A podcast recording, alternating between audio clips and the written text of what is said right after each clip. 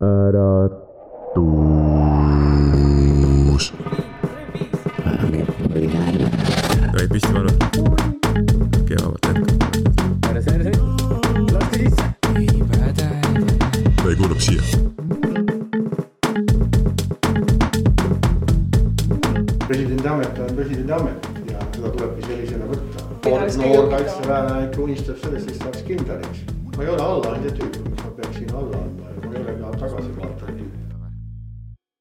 tervist kõikidele vaatajatele ja kuulajatele. Te kuulate Sõdurilehe podcasti ja mina olen Riamas Grünberg. Eesti tähistab siis igal kahekümne neljandal veebruaril vabariigi aastapäeva, sest just sellel päeval aastal tuhat üheksasada kaheksateist kuulutati välja Eesti Vabariik. eelmisel aastal samal päeval muutus aga olukord täielikult, kui Vene väed tungisid Ukrainasse sisse ja paljude inimeste vaade riigikaitse olulisusele muutus. selle äh, meile väga tähtsa, ent samas vastuolulise päeva puhul on äh, siis saates ei keegi muu kui vabariigi president Alar Karis. räägime siis vabariigi aastapäevast, presidendi ametist, aga ka riigikaitsest praeguses segases maailmas. tervist, härra president tervist. siis äh, alustamegi kõigepealt vabariigi aastapäeva teemaga. Eesti saab sada viis. mille poolest on selle aasta vabariigi aastapäev eriline? ta on erinev sellepärast, et on sada viis, meil on sada viis aastat ähm, Eesti Vabariiki. ja, ja see on oluline täht, tähtpäev. aga eks ta on muutunud selliseks, nagu te ise juba mainisite, seoses sellega, et aasta tagasi algas, algas Ukrainas sõna, sõda, kus Vene Föderatsioon tungis äh, sõltumatule riigile kallale ja, ja siiani see sõda käib, nii et äh, see on jätkuvalt äh, ka õhus ka meie vabariigi aastapäeval. aga kuidas see üldse mõjutab äh, meie jaoks sellise olulise päeva tähistamist? kindlasti mõjutab, sest ta on ju paratamatult meil kõigil meeles, kui me ütleme kakskümmend neli veebruar, siis ei tule ju meelde ainult enam vabariigi aastapäev, vaid tuleb ka see, et sel päeval algas, algas Ukrainas sõda, nii et paratamatult ta on, on meil meeltes ka meie enda tähtsal päeval ja eks tegemist ole ju mõnes mõttes ka Ukraina jaoks vabadussõjaga. aga kas kuidagi selle tähistamine siis otseselt ka muutub Eestis? nii palju kui teate ta mõjutab läbi selle, et eks ikka võib-olla ka muusikapalad on valitud teistsugused ja, ja kindlasti ka oma kõnes tuleb sellest juttu ja, ja ta on, ta on meil kõigis, nagu ma ütlen, ta on meil kõigis, kõigil meeltel ja, ja ka, ka keelel ja, ja soov abistada Ukrainat kindlasti jätkub ka pärast seda, kui meie vabariigi aasta on läbi läinud. kindlasti on siis meie jaoks siiski see päev ka pidupäev, aga kuidas jääda pidupäeval ja pidu pidades siiski ka valvsaks kõige selle suhtes, mis toimub? no see sõda Ukrainas ju ongi meid teinud valvsamaks, kui me võib-olla varem olime. Et see kurjus on maailmas alles, et ta kuskile kadunud ei ole, on kindlasti meie peades nüüd jõudnud äh, noh, päris tõehetkeni läbi selle, et me oskame võib-olla rohkem ka valmistuda erinevateks kriisideks, olgu see siis seesama võimalus, et kunagi keegi meid soovib rünnata, kuigi ma olen siiani veendunud, et et seda ohtu, otsest ohtu meie riigile ei ole, aga see tähendabki seda, et me peame olema selleks kõigeks valmis. tegelikult toimub vabariigi aastapäeval alati ka ju traditsiooniline paraad. kuidas äh, mängib see rolli üldse riigikaitses ja mis on selle paraadi olulisus meie kõigi jaoks? paraad näitab meie inimestele, et äh, see valmisolek, millest me just rääkisime, on olemas ja elanikkond saab ka näha, et millised väeosad meil on ja ja võib-olla rohkem hakkavad mõtlema ka selle riigikaitse olulisuse peale ja ja paljude jaoks on ka see paraad tähtis, et äh, pärast saab suhelda kaitseväelastega, saab näha seda tehnikat ja see ka kindlasti lähendab inimesi äh, riigikaitsele. minnes nüüd edasi äh, teie enda juurde, siis tõenäoliselt ei pea teid kellegi enam tutvustama. mõnda saatekülalist äh, sageli peab, aga mäletan, et kui te kohe, kui te ametisse astusite, küsiti teilt, et kuidas ennast tunnete uues presidendi ametis. Aga kui ma praegu küsin, kuidas te tunnete ennast praegu presidendi ametis? Hmm. presidendi amet on presidendi amet ja seda tulebki sellisena võtta, et see kehtib tegelikult iga ameti kohta, kui sa mingit ametit pead või siis äh, tuleb seda teha täie tõsidusega ja anda, anda ennast, anda endast maksimumisel hetkel, kui sa seda ametit pead. Ja selles mõttes presidendi amet ei ole, ei ole siin erinev, iga, iga juhtivkomitee koht on ju vastutus ja seda peab nagu ka tunnetama. Aga milliseid huvitavaid kogemusi üldse see amet on teile andnud ja mis on näiteks kõige meeldejäävamad hetked või sündmused sellest?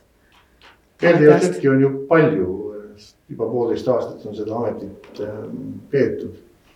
aga võib-olla meeldejäävamad hetked ongi kohtumised äh, väljaspool Kadriorgu inimestega nii siin Eestis erinevates kohtades kui ka, kui ka välisriikides, et see on, see on võib-olla kogemus, mida, mida teistes ametites ei saa, et sa näed seda, seda erinevust meie riigis erinevates paikades, seda diversiteeti.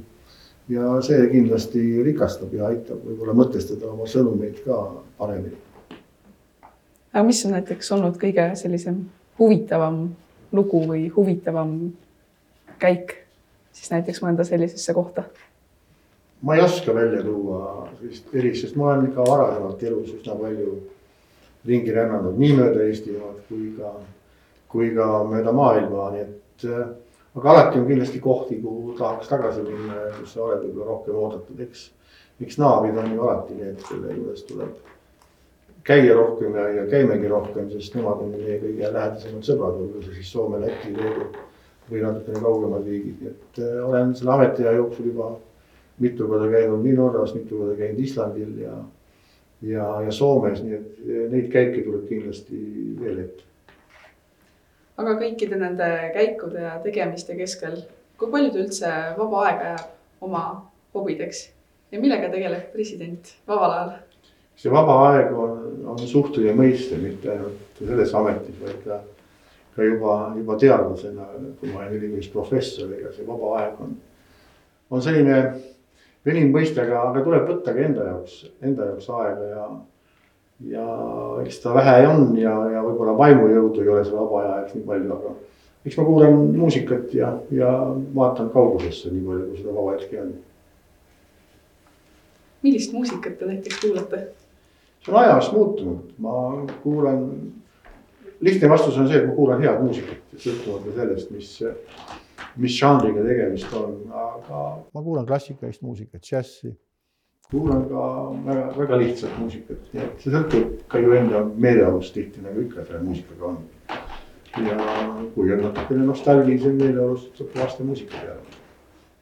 tegelikult on siis igas episoodis tehtud ka vahepeal midagi siuksemat mängulisemat ja huvitavamat ja siis äh, sellesse episoodi ma uurisin meie Instagrami jälgijatelt ehk siis jälgijad pluss siis reamehed, äh, mida nemad küsiksid Eesti presidendilt.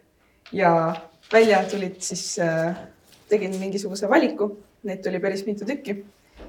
ja ei pea vastama pikalt, lihtsalt see, et saaksime teada midagi põnevamat ja siis kuulata, mida küsib siis reamees või Instagrami jälgija presidendilt. Esimene küsimus on, milline näeb välja üks presidendi hommik ja mis kell te ärkate üldse? hommik nagu iga hommik, eks teed silmad lahti ja vaatad, mis uus päev toob, kuigi siin vaadata ei ole suurt midagi, sest see päev on paljuski ette määratud ja, ja nii ta kulgema hakkab ja millal ta lõpeb, see on, need on täiesti, päevad on täiesti erinevad, mõni läheb keskööni välja, mõni tuleb pisike kaugele. järgmine küsimus on, kas teile meeldivad meemid? Ikka, mulle, mulle meeldivad asjad, mis äh, teevad meele lõbusaks ja, ja kui meemid ka enda kohta on, sellest ei ole ju midagi hullu. peaasi, et äh, see kellegi rõõmsaks teeb. siis äh, küsiti, et mis on teie lemmik jäätise maitse? oi, seda ma ei oska küll öelda, ma, ma olin kunagi väga suur jäätisesõber, kui ma olin noorem ja sporti tegin rohkem, et siis oli nagu jäätist vaja süüa aga eks ta selline tavaline vaniljejäätis või šokolaadijäätis on, ega siin mingit erilist maitset otsima ei, otsima ei pea. aga tänapäeval on ju neid maitseid palett nii suur, et eh, ma arvan, et ma ei jõua neid kõiki ära maitsta. huvi pärast küsin, mis teil sportlase või siukse noorema spordipoisi eas oli selline lemmikjäätis? no siis olid need jäätise valikud eh, suhteliselt piiratud eh, ja siis oligi kaks head jäätist, oli plombiirijäätis, mis oli natukene rasvasem. ja, ja siis oli ka väga odavat jäätist, kus suurt midagi sees ei olnud peale mahla ja jää. see maksis toona seitse kopikat, aga kui äh, raha oli vähem, siis ostsid selle jäätise. järgmine küsimus on siis selline, et mida teie mõtlete, kui loete siis sõjauudiseid Ukrainast? mis ma ikka mõtlen, eks ma mõtlen ju selle sõja peale, olles ise seal käinud ja näinud, mis seal toimub ja, ja rääkinud ka Ukraina presidendiga läbi telefoni siin hiljuti. et see pilt on õudne ja, ja kahjuks veel lõppu näha ei ole, eks meie ülesanne ongi teha, teha kõik, et see sõda lõpeks ja eks see ongi mõtetes kogu aeg, kui, kui kuuled Ukraina, Ukrainat mainivad ja eks ka paljuski nendele põgenike peale, kes on siis mööda maailma laiali pillutatud Nendest enamus on küll Poolas, aga, aga meilgi on teatavasti ju neid hulgad. Siis on küsitud niimoodi, et äh, kui äh, tekib võimalus ja vajadus, kas oleksite valmis olema president ka teise ametiaja? seda on liiga vara küsida, et äh, püüame nüüd selle esimese ametiaja kõige paremal võimalikul viisil toime tulla ja teha kõike, mis, mis president peab tegema ja kui see aeg käes on, eks siis, siis tulge ja küsige ja siis ma vastan aga mis motiveerib teid seda tööd tegema ja mitte alla andma? Ma ei ole allaandja tüüp, miks ma peaksin alla andma ja ma ei ole ka tagasivaataja tüüp. ma püüan ikka ettepoole vaadata ja, ja ees paistab asi olevat väga põnev, et. tulevik on alati huvitav, ta on ettearvamatu ja see on üks kindel motivatsioon, et seda ametit, ametit pidada. aga kas teil on ka mõni eeskuju ja kes? mul ei ole elus eeskujusid olnud. mul on alati tükike ühest inimesest, tükike teisest inimesest, nii et mul ei ole sellist iidolit, kelle, kelle moodi ma tahaksin olla ja, ja ei ole, ei ole kunagi olnud. et see võib-olla annabki natuke sellist iseseisvust juurde, et, et sa püüad olla sa ise. ja, ja mitte siis jäljendada kedagi, kes võib-olla on sinu suurimaks eeskujuks ma loodan, et siis äh, kõik need jälgijad, kes siis need küsimused saatsid said äh, endale ka head vastused. Meie siis lähme saatega edasi ja räägime edasi just rohkem riigikaitsest Eestis. et tegelikult on teil oma roll ka riigikaitses ja siis seaduse järgi olete te riigikaitse kõige kõrgem juht. mida see teie jaoks tähendab? jälle, see tähendab ju, ju vastutust, et kui tekivad keerulised ajad, siis on äh, presidendi roll kindlasti hoopis teistsugune, kui ta on praegu ja ja selleks peab president, president valmis olema, nii lihtne see ongi. Aga mis roll on üldse teil siis sellisel heitlikul ajal? no hetkel, eks see roll seisnebki selles, et äh, püüda kõigepealt äh, oma rahvast koos hoida, neid innustada oma igapäevastes tegemistes, aga, aga samuti ka, ka siis äh, suhelda välisriikidega ja, ja püüda ka selgitada, et miks see sõja lõppemine on oluline, sest mida kaugemal riigid võib-olla Ukrainast on, seda, seda vähem nad võib-olla mõistavad, mida see sõda Ukraina ja või see rünne Ukraina vastu Venemaa poolt tegelikult tähendab, et sõjakoldeid on ju, on ju maailmas erinevaid, aga, aga antud juhul on ikkagi tegemist ühe riigi tungimisega teise suveräänse riigi pinnale aga millised pädevused peavad üldse presidendil olema selliseks ameti nii-öelda rolliks, et olla ka riigikaitse kõige kõrgem juht? Eks need pädevused on ju põhiseaduses kirjas ja neid väga palju üles kirjutatud ei ole. peab olema Eesti kodanik ja nelikümmend aastat vana.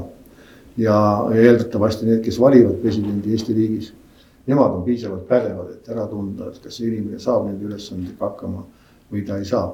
nii et see on selles mõttes ka jälle väga väga lihtsalt üles ehitatud, nii et see vastutus ei, ei ole ainult ju presidendil, vaid see vastutus on Riigikogul, kes, kes presidenti valib.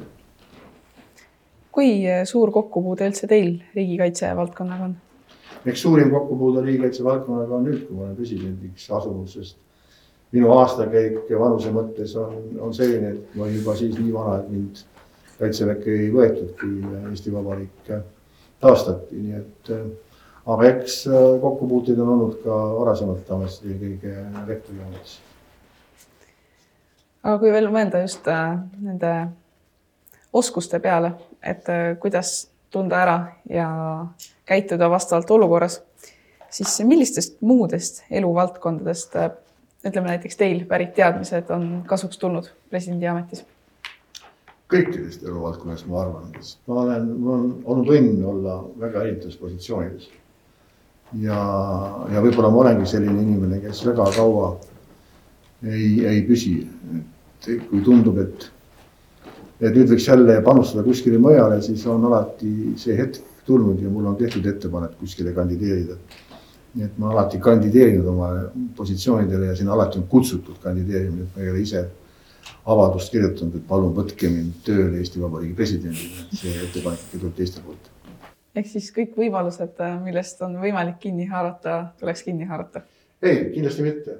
ma arvan, et äh, sa pead tunnetama selle ära, kas see on sinu jaoks, kas see on sel hetkel sinu jaoks. mulle on pakutud erinevaid positsioone ka, ka varasemalt ja ma olen ära öelnud, aga aastaid hiljem olen ma öelnud jah sellepärast, et äh, see tunnetus oli, et see ei, ei olnud veel see aeg minu jaoks seda positsiooni täita. kõigest kinni haarata, mis meil äh, elu pakub, ei maksa ikkagi, tuleb valikuid teha. aga siiski äh, riigikaitseseaduse järgi agressiooni korral kuulutab president välja sõjaseisukorra, ootamata siis ära Riigikogu otsust äh, kuidas see otsus tehakse, aga lihtsalt sisetunde pealt või kuidagi ikkagi see kellegagi kooskõlastatakse? no presidendil on väga palju äh, nõuandjaid, nii äh, formaalseid nõuandjaid kui neid, kelle käest nõu küsitakse.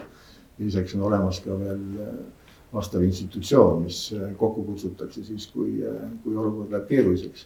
Riigikaitse Nõukogu käib ju, ju koos regulaarselt, mida ma siis juhin, et saada ühelt poolt informatsiooni ja, ja et kõik olulised ministrid ja isikud oleksid ühtses äh, informatsiooniruumis, nii et see on ka see hetk ja koht, kui on vaja selliseid äh, keerulisi otsuseid teha. Äh, tegelikult, kui rääkida veel riigikaitsest edasi, siis oleme näinud Ukraina presidendi mõjukat rolli sõja ajal, seda eriti just meedias kõnedena. kui kujutada ette hüpoteetiline olukord kas te oleksite vajadusel Eesti Zelenski ja missugune? ma ei tahaks seda hüpoteetilist olukorda arusaadavalt ette kujutada keegi meist ei taha. aga presidendi ülesanne ongi sellises olukorras täita oma, oma rolli. milline see olukord tuleb, ega ükski olukord ei ole sarnane teisega. ja, ja siis tulebki otsustada, mida teha, kuidas teha, mida rääkida oma inimestega. Nii et eh, need otsused tuleb teha siis ja, ja mõnikord väga kiiresti ehk siis vastavalt olukorrale, mis siis saama hakkab. jah, kindlasti, nagu ma ütlesin, ei ole sarnaseid olukordi ja, ja teist Zelenskit, ma arvan, ei ole, ei ole kuskil. et äh, iga president käitub oma riigis äh, kindlasti erinevalt. tegelikult te mainisite oma uusaasta kõnes, et äh, see aasta tuleb olla nõudlik siis äh, nii enda kui ka teiste suhtes, et äh, mis on teie ootused näiteks siis kaitseväele ja riigikaitsjatele? ootused on ikka sellised, et äh, seda riigikaitsetööd ja, ja ka kaitseväelased võtaksid seda tõsiselt. et need, kes kutsutakse õppustele, ka lisaõppekogunemistele, et minnakse kohale. et see protsent oleks suurem, kui ta praegu on. ta kindlasti ei saa kunagi olema sada protsenti. Aga, aga seda numbrit on kindlasti vaja, või seda protsenti on vaja kindlasti, kindlasti kasvatada ja eks äh, sõda Ukrainas on ju ka mõjutanud meie otsuseid Eesti riigis, et kui palju me kulutame riigikaitsele ja, ja samuti ka elanikkonnakaitsele, mis on meil tegelikult olnud äh, aastaid, ma julgen väita, unaruses. ja selle all te mõtlete siis äh, keda? Kõiki meie Eesti kodanikke, kes peaksid olema valmiks ennast ise kaitsma, teavad täpselt, mida kriisi või ka sõjaohu korral teha kuhu minna, kus on need varjendid. ja, ja see on pidev, pidev õppimine ja see algab ka juba ju koolist peale, kus meil riigikaitset õpetatakse. aga kui te mainisite enne just seda lisaõppe kogunemistel osalemist, siis äh, te ju ka käisite seal? jah, ma olen käinud nüüd juba vist kahel lisaõppe kogunemisel ja, ja nad on ju erinevad olnud, see kord äh, tema iseloom on teistsugune, kui ta oli eelmine kord ja ja selle lisaõppekogunemise mõte ju ongi see, et ta ühelt poolt tuleb nagu üllatusena vaadata, kuidas valmisolek on. ja, ja ka ülesanded on erinevad, nii et ähm, see selle mõte ongi. seal te tõenäoliselt äh, puutusite kokku päris paljude reservväelaste ja võib-olla sellist ajateenijaid ei olnud. aga kui palju te üldse igapäevaselt siis näiteks ajateenijatega kokku puutute? ajateenijad seisavad igapäevaselt äh, Kadrioru äh, siin äh, tööruumide ees, nii et ma kohtun nendega igapäevaselt ka, ka siin, kus nad söövad koos meie töötajatega, nii et see kokkupuude on olemas igapäevaselt, iseküsimus on palju ma nendega siis suhtlen ja räägin. aga kindlasti neid käike on olnud juba üksjagu nii Tapale, Ämarisse kui ka, kui ka Meegamere või Lõuna-Eestisse, nii et see on üks oluline roll ka presidendil, et hoida kontakti äh, nii Kaitseliiduga ühelt poolt kui ka, kui ka noorsõduritega, kes on, on võetud äh, kaitseväkke.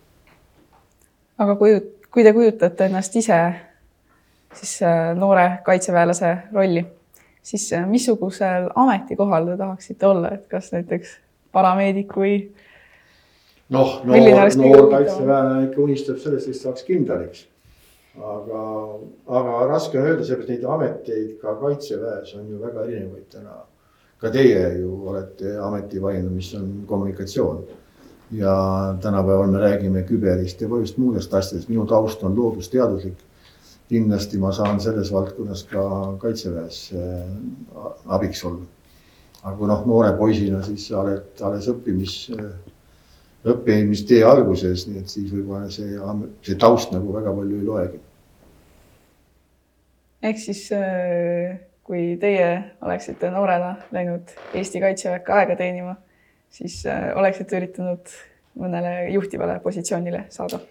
ei, kindlasti mitte, ega seda geeni mul nüüd küll kaheksateistaastasena või üheksateistaastasena sees ei olnud, et ma tahaksin juhiks saada et eh, siis ma arvan, ikkagi oleksin mõelnud, kuidas kaitsevägi läbi teha ja, ja kuidas siis oma haridusteed jätkata, nii lihtne see jälle ongi.